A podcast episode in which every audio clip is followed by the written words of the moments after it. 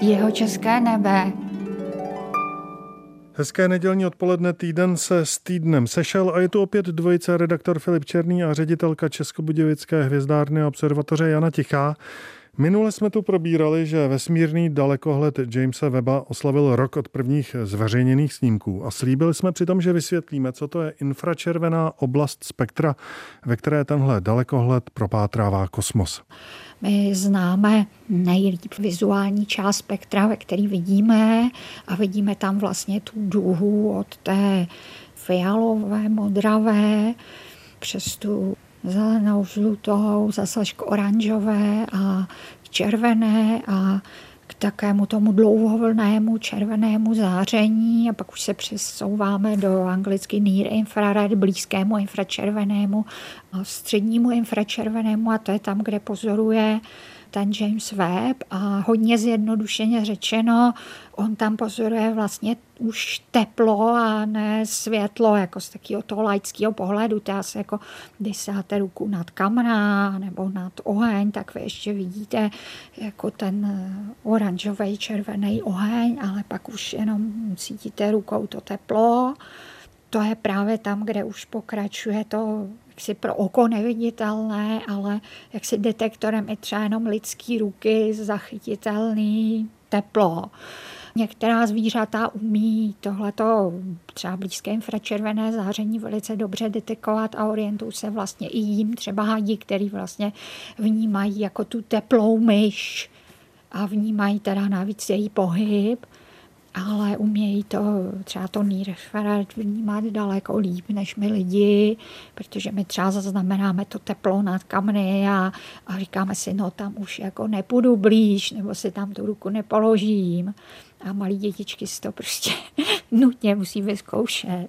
Ale jako, že bychom detekovali v trávě myš rukou, že tam je teplejší zvěřátko, to už nedokážeme. My lidé ale aspoň můžeme vytvořit infračervené snímky. Kde se s nimi dá běžně setkat? Kde se využívají? Ta infračervená detekce se třeba používá na zkoumání úniku tepla při zateplování budov nebo zjišťování právě, že tu budovu nemáme zateplenou dobře a že nám uniká v zimě teplo.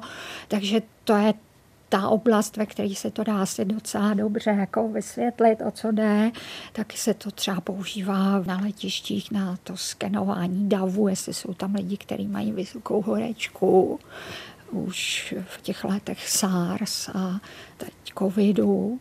Bývají třeba vtipný obrázky, jak vypadá člověk nebo jak vypadá třeba některý zvíře v infračervené části spektra. U těch zvířat je to třeba hrozně hezký, protože jedna kolegyně, která se zabývá sledáním asteroidů v infračervené části spektra, tak ona má vždycky ty názorné fotky, že ji zabírá infračervená kamera, ona má na ruce svého papoucha, tak je to velikýho papouška opravdu, tak je to pirátskýho.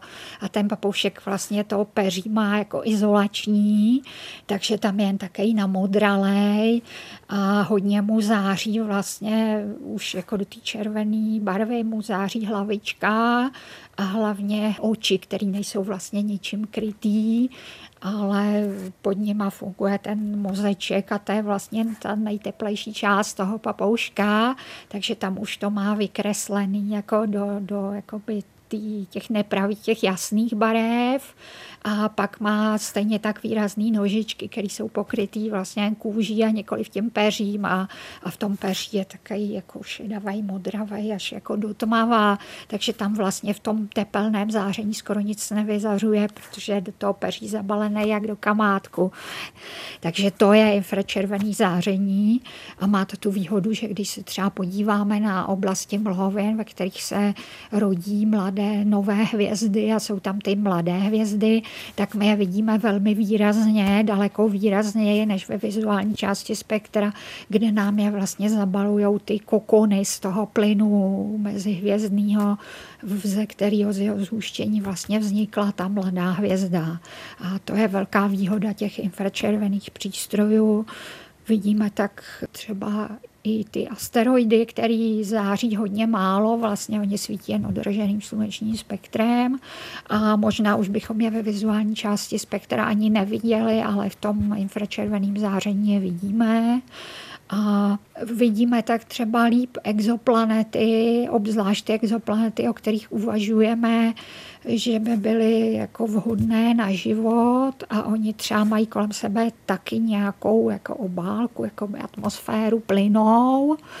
A tou my ve vizuální části spektra nepronikneme a nějaké jako podrobnosti o té třeba o spektru povrchu a tak můžeme zjistit až na té infračervené kameře, kde se podíváme třeba skrz ten chladnější plyn. Takže doufám, že jsem vyprávěním o papoušcích a skenováním budov, jestli jsou dostatečně zateplené, až po hodně mladé hvězdy vám posluchačům přiblížila, co to je pozorování v infračervené části spektra.